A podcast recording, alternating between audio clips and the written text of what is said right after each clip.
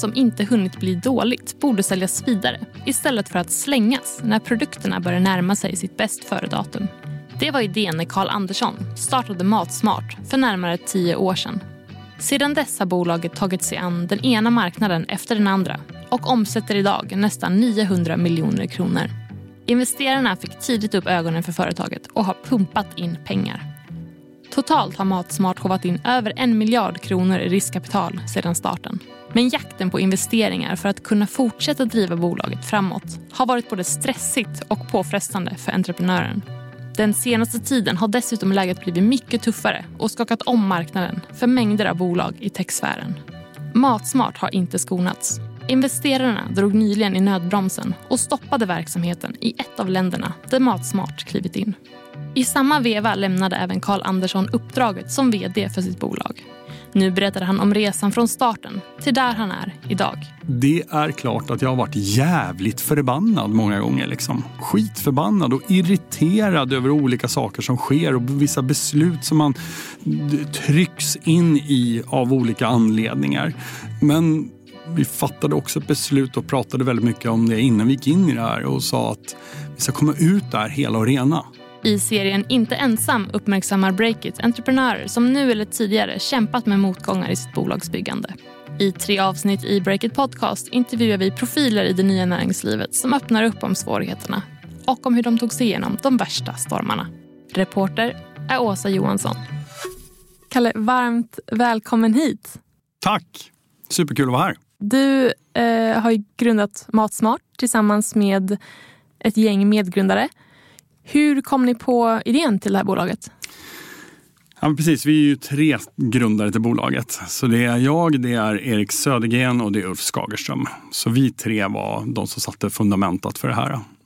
Men allting börjar egentligen i Eriks ICA-butik. Så Erik har en ICA-butik utanför Stockholm i Akalla där han dagligen så ser hur bra mat slängs och blir superfrustrerad av det här.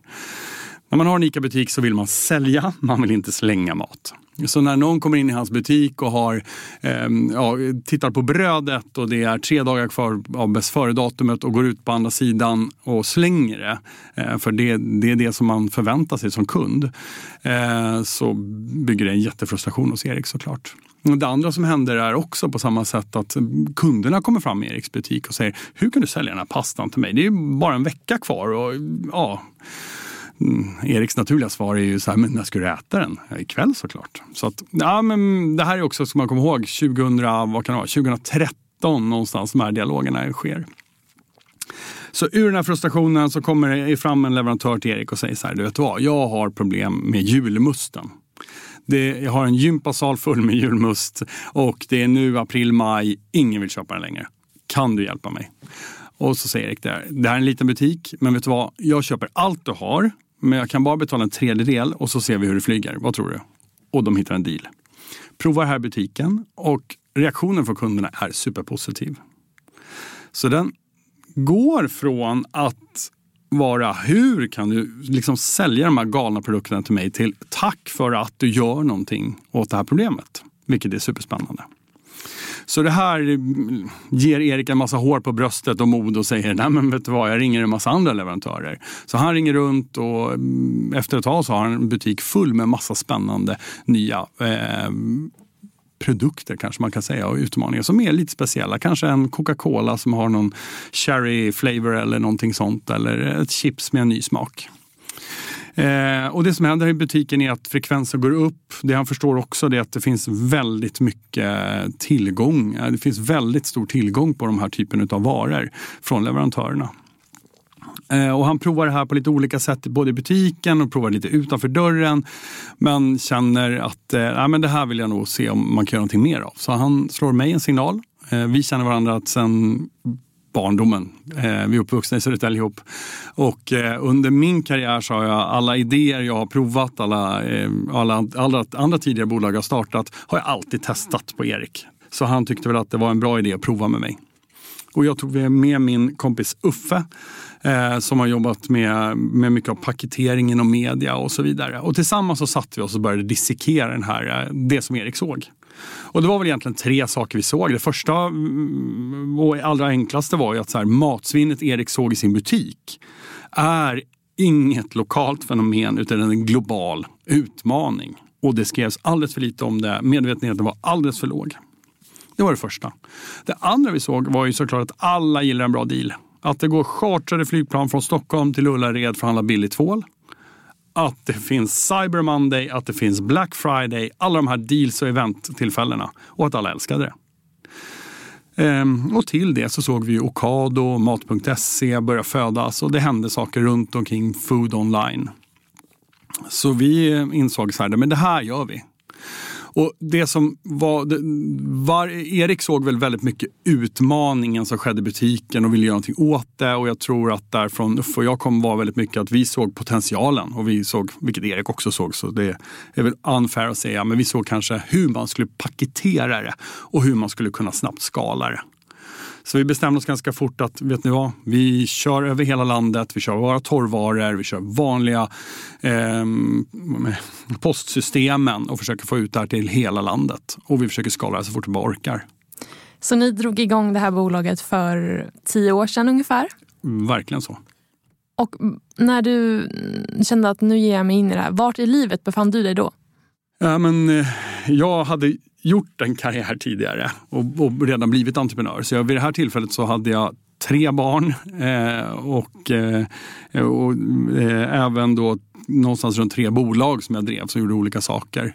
Eh, både inom media och genom eh, OTC, på, inom eh, apoteksvaror och så vidare och något annat.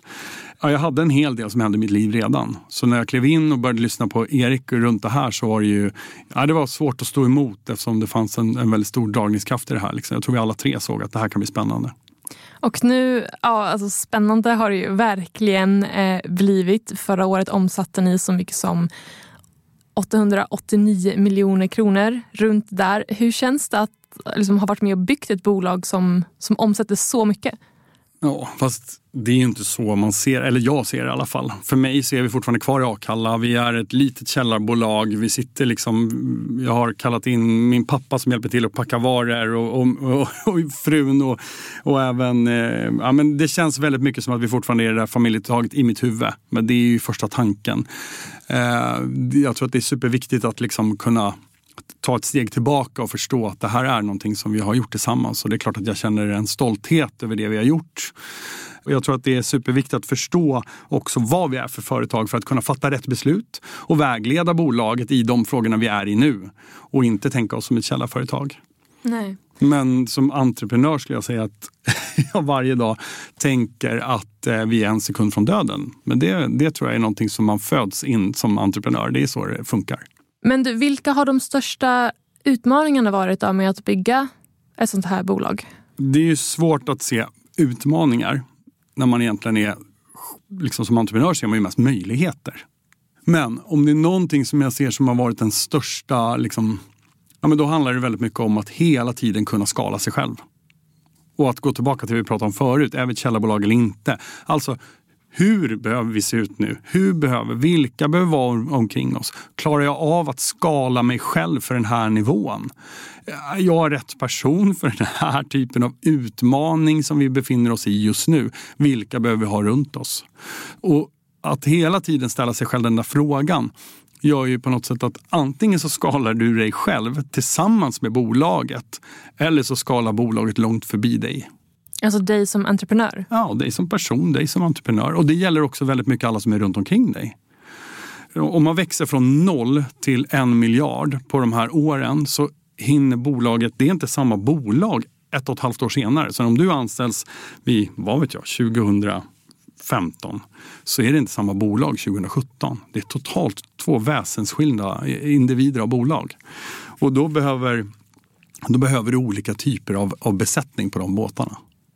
Så vad du, du och de som är hos dig behöver alltid hela tiden jobba med är hur utvecklas jag i den här resan? Men att skala sig själv då som entreprenör eller som person, hur, hur känns det? Hur gör man? Ja, men för det första så, så måste man ju då... Det här är mitt sätt att hantera det här. Det kanske inte funkar för alla. Men jag gillar väldigt mycket att lyssna på alla.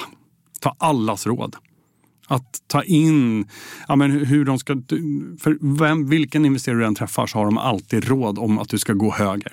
Gå höger. Och speciellt om vi är året 2008 när allting brann. Då tyckte alla att vi skulle gå höger. Någonstans 2021, då tyckte alla att vi skulle gå vänster. Lyssna på alla de där. Och, och också hur de visar de här perfekta exemplen på de här superlyckade bolagen som är så här oh, de här är så bra på att visa sina metrics. Eller de här är så bra på sina cohorts. När du inte ens vet vad en cohort är.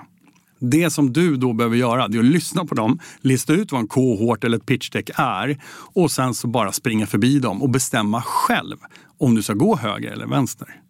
För är det någonting jag lärt mig, det är om alla säger höger, då bör du fundera på om det finns andra vägar. Och vad jag menar med det är att de här för heta trenderna är ibland livsfarliga att tagga i. För att då kanske du bara blir utspolad sen när allting går. Det är nog ganska mycket vad jag säger. Så i det här behöver du hela tiden förändra dig, förstå var står vi nu, hela tiden kunna ta steget tillbaka. Fast det brinner konstant överallt så behöver du ställa dig frågan och kolla så här, okej, okay, men vart är vi? Och det en sak som jag skulle då säga i det här är att i och med att vi har varit ute på ett par stycken kapitalrunder så är det lite grann som att gå någon form av superutbildning på ett halvår. För det du gör är att du går runt och träffar men massor av olika investerare som är supersmarta. De har läst alla böcker i världen, de har kollat på, som de säger själva, liksom alla bolag. De alla har rådgett de absolut allra största bolagen i hela världen. Och de eh, har klara, bra idéer. Det som är rätt spännande det är att de, alla de här har olika idéer om olika saker. Och, och, och, det gör att dina, du måste som entreprenör i de där lägena och i de här pitcherna vara så påslagen att du hela tiden kan fånga vart de är på väg och vart de rör sig. Och eh, för, för så här, ja, vi har tänkt på det eller vi har inte tänkt på det och vara ganska snabb i alla de rörelserna och också höra vad deras tankar är på väg. Det är otroligt mycket ett säljjobb. Och för att spola tillbaka det så skulle jag säga så här att det gör också att det som är spännande i de där samtalen, inte bara är de väldigt unika i sig, men de har också alla läst de trenderna som går. Så är du ute i runda X, eller din sidrunda, då kommer alla fråga dig om vissa saker. Om du är ute i din B-runda, då kommer alla fråga hur ser dina kohorts ut? Och det lär du dig ganska fort. Så att plötsligt efter ett tag så frågar alla de här bolagen om hur dina kohorts utvecklas. Och alla har de ett system för det. Rundan efter det, alltså ett år, två år senare, då är det ingen som frågar efter det. För då pratar man om bara någonting annat. Då är det en ny trend som går. Jag säger inte att det är fel att kolla på cohorts, det är bara ett exempel. Men som entreprenör så behöver du både förstå det där och också vara som en gås. Så allt som trillar på dig, allt som de säger att ni inte är good enough eller whatever, det måste bara rinna av dig. Liksom. Och ni har ju tagit in rejält med riskkapital ändå, får man ju säga, de senaste tio åren sedan starten. Eh, ni har gått över en miljard kronor i riskkapital. Men innan vi eh, drog igång det här snacket idag så snackade vi lite innan och du nämnde att det inte alltid har varit solklart under den här tiden om investerare har varit eller när investerare har varit dina vänner eller inte. Vill du berätta mer om det? Men så här, jag det kanske inte handlar så mycket om vänner och det är svårt hur man uttrycker sådana här saker. Jag skulle nog säga så här väldigt mycket att en, en investerare behöver en entreprenör. Någon som de tror på. Eller hur? Och jag behöver en investerare. Och vi tillsammans behöver att det här bolaget går bra. Då blir vi tillsammans väldigt framgångsrika. Eh, men när man är ett bolag som vi som har tagit in pengar under så lång tid med, under så många olika generationer med olika tankar om olika exithorisonter så det är klart att det bildas en cocktail av olika önskemål och, och, förhoppningar och också, förhoppningar kanske är för starkt ord, men kanske liksom, ja, o, o, olika uppfattningar om när en exit sker, när vissa steg ska ske. Och man är väl olika alignade med olika investerare vid olika tillfällen. Så kanske jag ska säga. Men eh, vi har haft tur, för vi har fått in väldigt bra investerare ska jag också säga. Jag har haft många som jag har bara ett samtal bort. Så om jag går ut härifrån och ringer någon av dem som är runt vårt bord så skulle jag säga att väldigt, väldigt många av dem bara plockar upp telefonen när jag ringer. Och det är otroligt skönt och har varit ett fantastiskt stöd.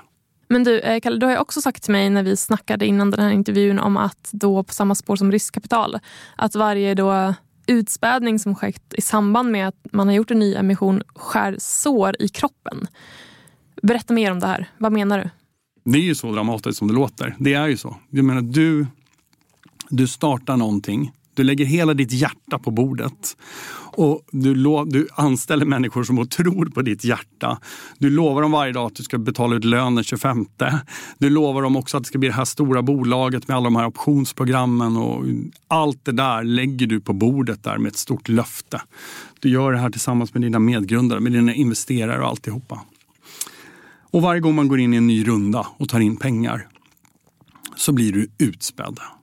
Och du tappar procent. Och procent är det finaste man har som investerare. Det är på något sätt det som säger så här, men jag är, jag är en del av det här och jag, jag äger det här. Och lite grann så är det också så här att jag som entreprenör oavsett hur lite eller hur mycket jag har av ägande så kommer jag alltid känna att det här är ju mitt. Ja. Eller hur? Ja, du har grundat det. Ja, så, så, så, även om då de kommer in och, och eh, till och med får mer ägande än vad jag har så kommer jag känna att det här det, det är mitt. Så egentligen borde jag ha allt det där ägandet. Men hur känns det då? Känns det liksom som att visst, det är bra för bolaget men ah, Nej, men det är precis så som du beskriver. Ja, det är, där, det är där de där såren kommer. Så när du får de här förslagen och de här olika kontrakten om hur du ska bli uppbunden eller hur, hur, vad som händer i olika situationer. Så det, det är otroligt slitsamt för, för psyket skulle jag säga. Det, det, är, en, det är en jobbig period. För man, där måste man verkligen hålla isär vad som är vad. Att de är där för att investera i något som ska tjäna pengar, eller som ska ge dem pengar. Och du är där för att du vill bygga något, för du har en passion kring något. Och de där två världarna vad heter, kolliderar ibland. Mm. Och i det så, så ja, men där skapar det, när, när, du blir av med dina procent och det, och det händer någonting i det, i det där så, så, så, så, gör det, det gör ont. Men har du fortfarande motivationen då att ge så mycket som du har gjort för bolaget fast du känner att du inte har samma ägande och kanske samma inflytande som innan? Jag har i alla fall varit i den eh, lyckosamma sitsen att investerarna har hela tiden velat och trott på oss som managementteam, som bolag, mig som grundare och så vidare. Och, och det har gjort att, att mitt inflytande har varit oförändrat och det har hela tiden handlat om att ja, men hitta sätt att vi ska fortfarande vara motiverade. Så att det är jag väldigt glad och nöjd över såklart. Och sen är ju det här en lång men, kärleks... Det, det är som ett långt äktenskap, ett härligt äktenskap där, där, där, eh, där det här, eller snarare kanske lite barn då. Där, eh, så, så att du har ju en outtömlig liksom, portion av kärlek. Tills den såklart dör. Men då har du antagligen bevisat klart allting. Men, det... Men motivationen mm. finns där eh, så länge som du, du känner att de där förutsättningarna är på plats. Och det jag tror man kanske, om jag skulle stå på en investerares plats och du kommer in och tittar på ett bolag och så ser du att den här personen är viktig för bolaget så tror jag man ska fundera på vad är det för drivkrafter som gör att den är motiverad varje morgon. Alltså, kommer det vara motiverande för den här personen att vi ska ha ett ett, avtal, eller ett anställningsavtal som är 600 sidor långt eller som har olika mekanismer som gör att, eh, ja, att man blir mer och mer uppbunden. Där, på alla de frågorna är det för mig i alla fall nej. För mig är det ju att jag driver det här för att jag vill. Eller hur? Det är en passion. Det där krockar det som 17. Och jag förstår att de där världarna behöver mötas. Det, det förstår jag ur ett rationellt perspektiv. Men jag fattar det inte ur ett emotionellt perspektiv.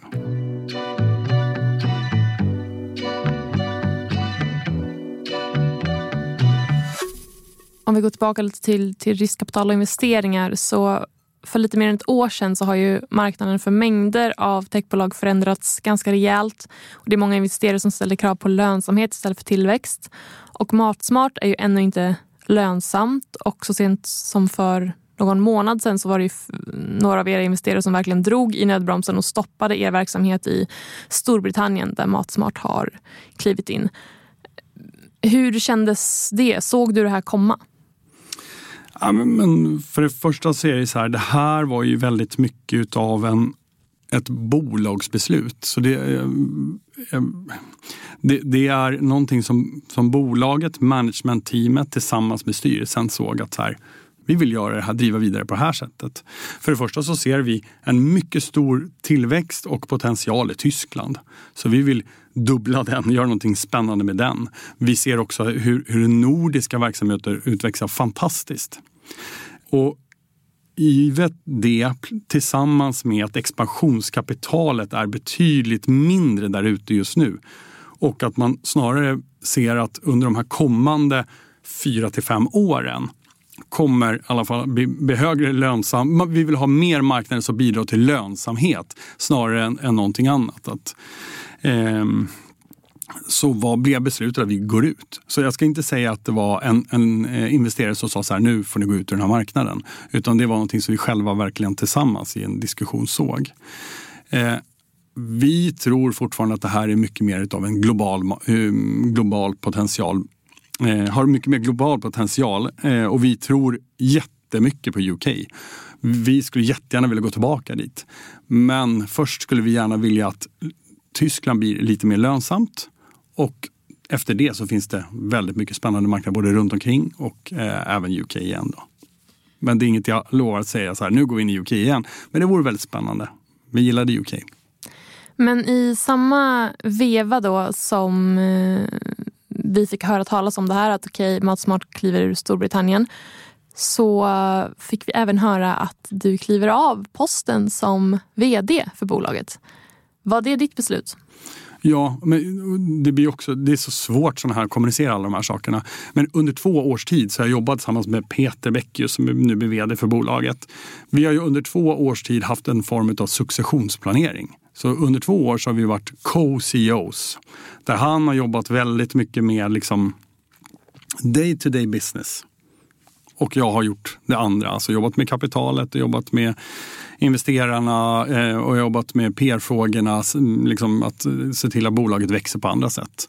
Eh, och det blev egentligen en, en, naturlig del av alltihopa. Och varför de här sammanslaget väldigt mycket var för att vi skulle ha en kick-off och kicka av det nya året och köra igång, eller nya halvåret eller vad man ska säga.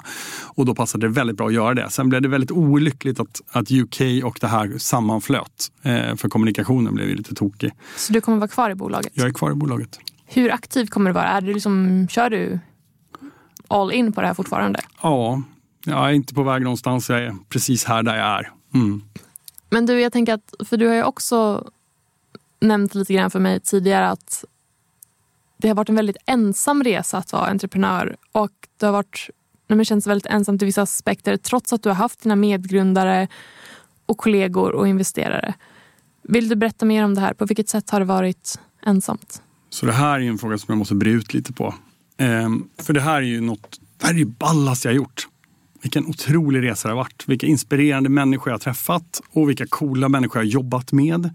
Och vilka dörrar, jag menar, ni har skrivit om det förut. Jag, menar, jag har träffat Al Gore, suttit i rummet som jag sitter med dig här, med honom. Det hade ju aldrig hänt annars. Alla de här sakerna är helt magiska och coola och det är väldigt det som är dopaminet i den här drogen. Att, att, att bara få liksom, att nu händer det något nytt eller nu bevisar vi det och hela de här bevisen och alltihopa det här. Och jag har också haft men jätte... Eh, jag har också turen att jag har haft superbra stöd från familjen. Min fru är också aktiv i bolaget. Eh, eh, men mina barn har vuxit upp i bolaget. Alltså när, de, när vi, hade en, vi hade en brasiliansk läsk som inte sålde så bra. Då var mina barn där och skruvade av korkarna och hjälpte oss att panta dem. Så jag menar, de har ju gått runt och tultat omkring bland truckar och annat. Och jag menar, till det så har jag haft mina medgrundare. Jag menar, vi har ju, även när de inte har varit aktiva i bolaget så har vi fortsatt prata i telefon och gör det liksom reg väldigt regelbundet. Liksom. Och till det så, så har jag haft väldigt bra medarbetare som också varit committade till det här. Men så är det så här att som jag nämnde tidigare så lägger man ju väldigt mycket av hjärtat hjärtat på bordet. Jag känner ett personligt ansvar för det här bolaget. Jag känner ett personligt ansvar för att alla får lön. Jag känner ett personligt ansvar för att vi får in pengarna till bolaget. Att vi kan fortsätta göra alla de här galna grejerna. Ehm, och, och när du vaknar upp liksom under en sån här runda, du vet varje dag i, i fyra till sex månader för att kolla hur mycket pengar kvar på bankkontot och prata med din CFO, liksom vilka, vilka fakturer ska vi betala, vilka måste vi hålla tillbaka? Då är du ensam. För då är det, om du har gjort alla de här utfästelserna, du har lovat att vi ska lösa upp det här. Jag har lovat dig lön, jag har lovat de andra det ena och det andra. Och även om det kanske inte... Jag förstår att idag är vi ett mycket större bolag. Men det är väldigt mycket fortfarande så jag känt det. Och då, då är man helt kanske ensam. och det där bygger ju såklart en jävla stress inombords. Så, det, så är det. Hur har du hanterat det? Nej, men jag tror att eh, för mig har det handlat om att hela tiden försöka hålla huvudet kallt. Eh, för mig har det aldrig varit... Jag har, jobbar väldigt mycket mentalt. Så ehm, jag har olika sätt att försätta mig i olika sinnestillstånd. Till exempel när det blir too much. Det blir liksom eh, alldeles för hett ämne eller det blir för eh, det är svårhanterliga frågor eller en, ja, vi, ja, vi står inför en vägg. Då har löpningen varit en av mina lösningar till allting. Så jag har lagt in nästan till löpning på schemat. Jag har bara släppt allt och bara stuckit ut och sprungit i 30 minuter och kommit tillbaka och vetat vad vi ska göra, laddat om. Det har varit väldigt mycket av räddningen.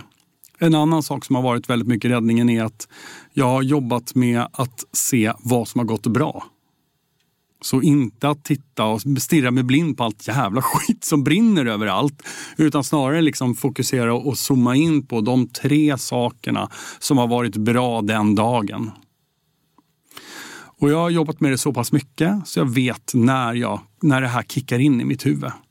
Och jag hade två tillfällen. Vid till, vid, vid, under en väldigt lång period så åkte jag buss till, till jobbet. Och då var det när jag klev av bussen så kickade det här in. Då samlade jag mig själv och började fundera på vilka tre, vilka tre saker har gått riktigt bra idag. Liksom. Och ibland är det, är det svårt, eh, men oftast stärker det där. Numera så är det varje gång jag tar i dörrhandtaget till hemmet så kickar den där tanken in.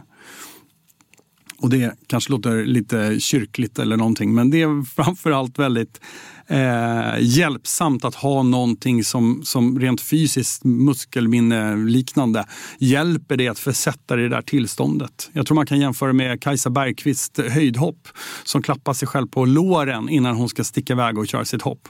För då vet hon hur hennes härliga känsla är. Hur, hur känns hon i kroppen när hon tar sig över hindret? När skulle du säga att det har varit som tuffast att vara entreprenör och hur har du mått då? Jag tror att vi kanske pratar om det. Alltså att vara ute på en finansieringsrunda till exempel och veta att du har, ju liksom, du har ett bokad tid med giljotin är ju ganska jobbigt. Du vet ju när pengarna tar slut. Och ändå ska jag sitta kavlugn i ett möte och säga så här, we have all the time in the world, bla bla bla. Det är ju otroligt stressigt då, då, är, då är det mycket jobbigt. Och du, du ska också få ihop alla de här. Du ska förhandla ett avtal med dina gamla investerare, nya investerare och alltihopa det där. Där, där finns det, bygger det väldigt mycket stress. När du också eh, samtidigt måste hålla ordning på dina kopior. Så när du är ute på rundan så jobbar du ungefär 200 procent. Du jobbar aldrig 100 procent.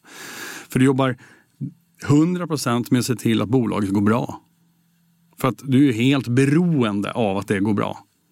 För annars kommer du aldrig få in de här pengarna ändå. Sen måste du jobba 100% för att varje dag lyfta lur. För att hitta, liksom fylla på din tratt av nya investerare att träffa.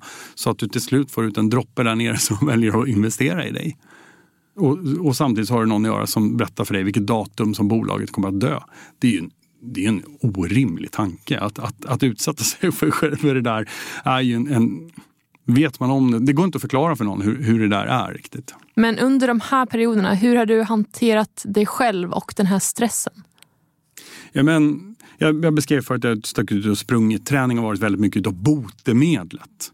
Men bara för att ungefär beskriva vad, vad som har hänt i kroppen så när vi startade bolaget så, så var jag storsnusare jag, eh, en juldag eh, 2015 så gick min kropp sönder. Då gick det inte längre att snusa. Jag försökte tvinga mig själv i två veckors tid att fortsätta snusa men kroppen sa bara, men fan, du, du måste skämta med mig. Det, det gick bara inte. Så det, det, det gick inte att fortsätta. Ett annat så här, där, eh, tillfälle i den här resan har ju varit när jag, jag får ju, när det var för stressigt så fick jag ta utslag i ansiktet och var tvungen att liksom smeta in ögonen med kortison för att ta bort de här blämorna som dök upp. Eh, vilket också obehagligt när man tänker att det är ju det är en stress som tar en fysisk form. Man är ju pressad in i ett jävla hörn. Och eh, det, är de här lägena som du, du behöver kunna skala dig själv, kunna kliva ur det där, hitta en väg igenom det här och så vidare. Och där har det varit jätteskönt såklart. Jag har haft bra stöd liksom, runt familj och medgrundare och så vidare. Och, och vi har försökt att dela väldigt mycket på de här eh, eh, utmaningarna. Och sen så till det skulle jag säga att träningen har varit väldigt mycket av det. Men har du vid något tillfälle när det har varit som värst, av de här situationerna du beskriver när den psykiska stressen har tagit fysisk form. Har ja. du någon gång tänkt så här, men vad håller jag på med? Det här är inte värt det, det går ut över min hälsa. Nej. Sjukt va? Jag har aldrig tänkt så. Och det är för att jag är, har en annan sjukdom och det handlar om att jag inte förlorar. Och även, jag kan förstå att du jag kan spela vän 10 och du kanske kan slå mig i det. Men det är väldigt sällan du, jag accepterar den där förlusten. Och det är samma sak här. Jag har, i don't lose. Det är bara så. Jag har, inte, jag bestämde mig för att lyckas med det här. Eh, och äh, Jag tror väldigt mycket att eh, den, den, den, den, har varit väldigt mycket av en drivkraft att, att orka igenom de här stunderna. Att så här, vi, har, vi har haft några ögonblick där vi har haft det väldigt utmanande bolag som jag inte tänker utveckla något nu utan det får man spara till någon bok någon gång. Men eh, där det har varit otroligt tufft och eh, där våra vinnarskallar egentligen har tagit oss igenom den här, den här situationen. Men jag har aldrig känt så här, nej nu skiter vi i det, nu går jag härifrån. Men under den här tiden då som du beskriver, hur har ditt privatliv påverkats av bolagsbyggandet? Har du lyckats hålla en balans eller har du behövt prioritera bort saker som du kanske hade velat? Ja, men så jag tänker svara lite bredare på den där.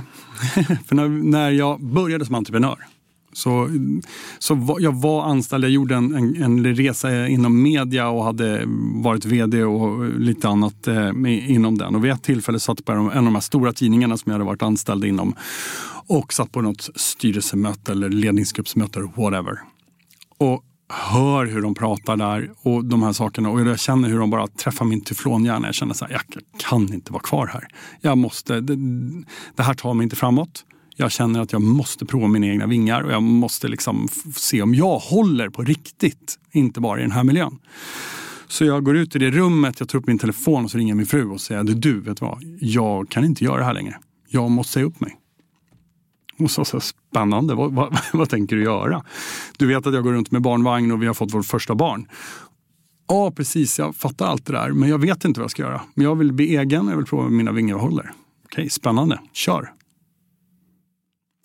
Och det coola med det är ju så här, ja men är det jag som är modig eller är det hon som är modig?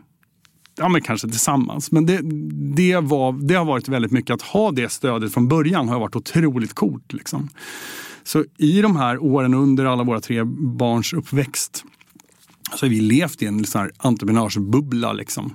Och det betyder ju att man, ibland har man pengar, ibland har man inte pengar. Ibland är det lätt, jag menar, under Matsmartsresan var det många år som vi inte hade lön överhuvudtaget.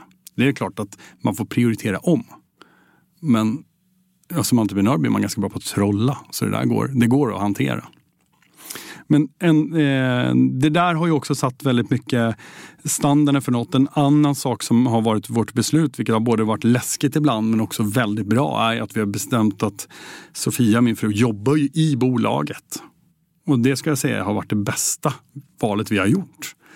För det har gjort att jag inte kommer hem, eller hon kommer hem varje kväll och börjar, man, man börjar inte på noll när man berättar hur ens dag har varit. För vi båda upplevt en del av de här sakerna. Nu är bolaget så stort så nu är det ju vitt skilda och hon har aldrig varit direktrapporterande till mig. Ska jag också säga. Eh, så vi har aldrig jobbat nära varandra så. Hon jobbar med inköpen i bolaget. Men vi har båda sett hur bolaget växer. Vi har båda sett alla de här viktiga sakerna som händer. Och, eh, ja, men det har nog varit det absolut allra bästa beslutet vi har gjort. Sen, sen tror jag också att eh, och, och, hur det har påverkat mitt privatliv. Alltså det är svårt också att, att bibehålla fantastiska kompisrelationer och dra iväg på weekends hit och dit och göra alla de där coola grejerna när du också gör någonting som du jobbar 200 procent. Så jag har haft väldigt förstående vänner.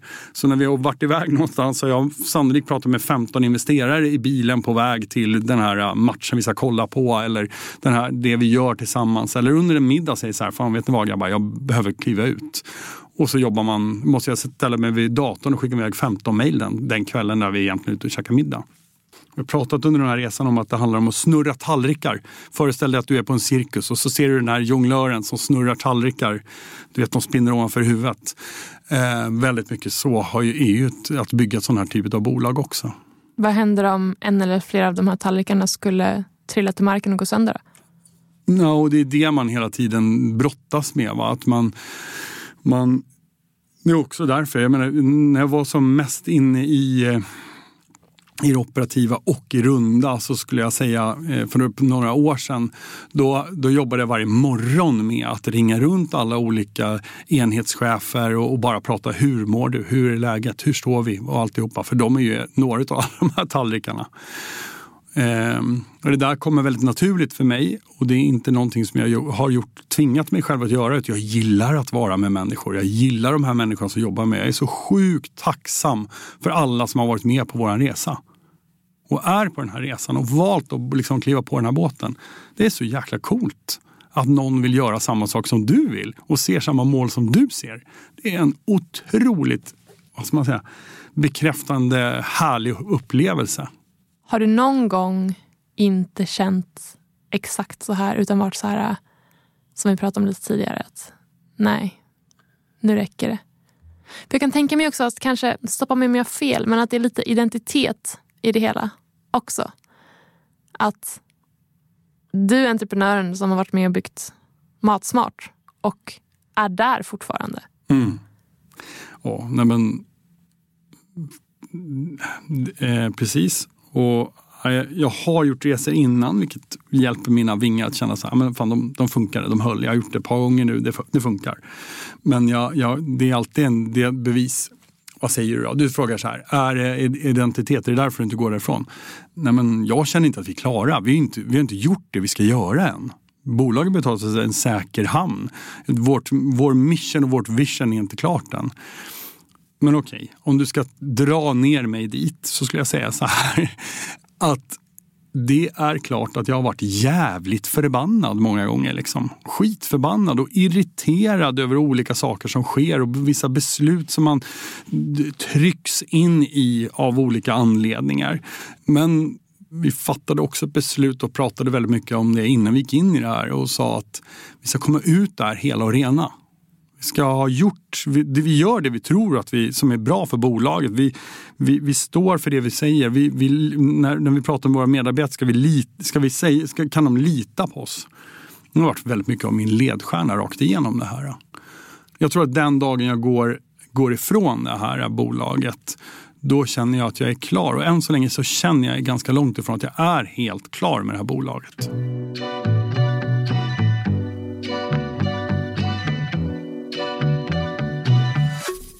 Men på tal om då det här med stress och press. Vad är din bild av entreprenörskap idag? För det är ganska många ändå som pratar om att normen är att jobba så gott som hela tiden när man startar ett bolag och ganska länge de första åren.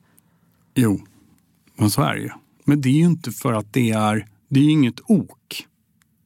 Det är ju inte så att du så här, nu tvingar någon dig att jobba jättemycket. Det är ingen Nej. elak stor chef som står och skriker åt dig. Du vill. Du vill allt det där. Det roliga är att du till och med vill sortera gem och permar för att det ska vara rätt, vad vet jag, bolag, eller hur? Att det, ja, allting du gör med ditt nya bolag är så sjukt inspirerande och bekräftande och roligt. Det, det är som en nyförälskad period igen. Liksom. Det är, allt, eh, precis så är det. Du tror nog väldigt mycket att, att eh, ju mer du gör, ju mer effekt. Och det, I början är det så otroligt, alla små vinster är så otroligt viktiga för fortlevnaden av bolaget. Sen är det en helt annan fråga om man ska tvinga sina medarbetare att känna exakt samma saker.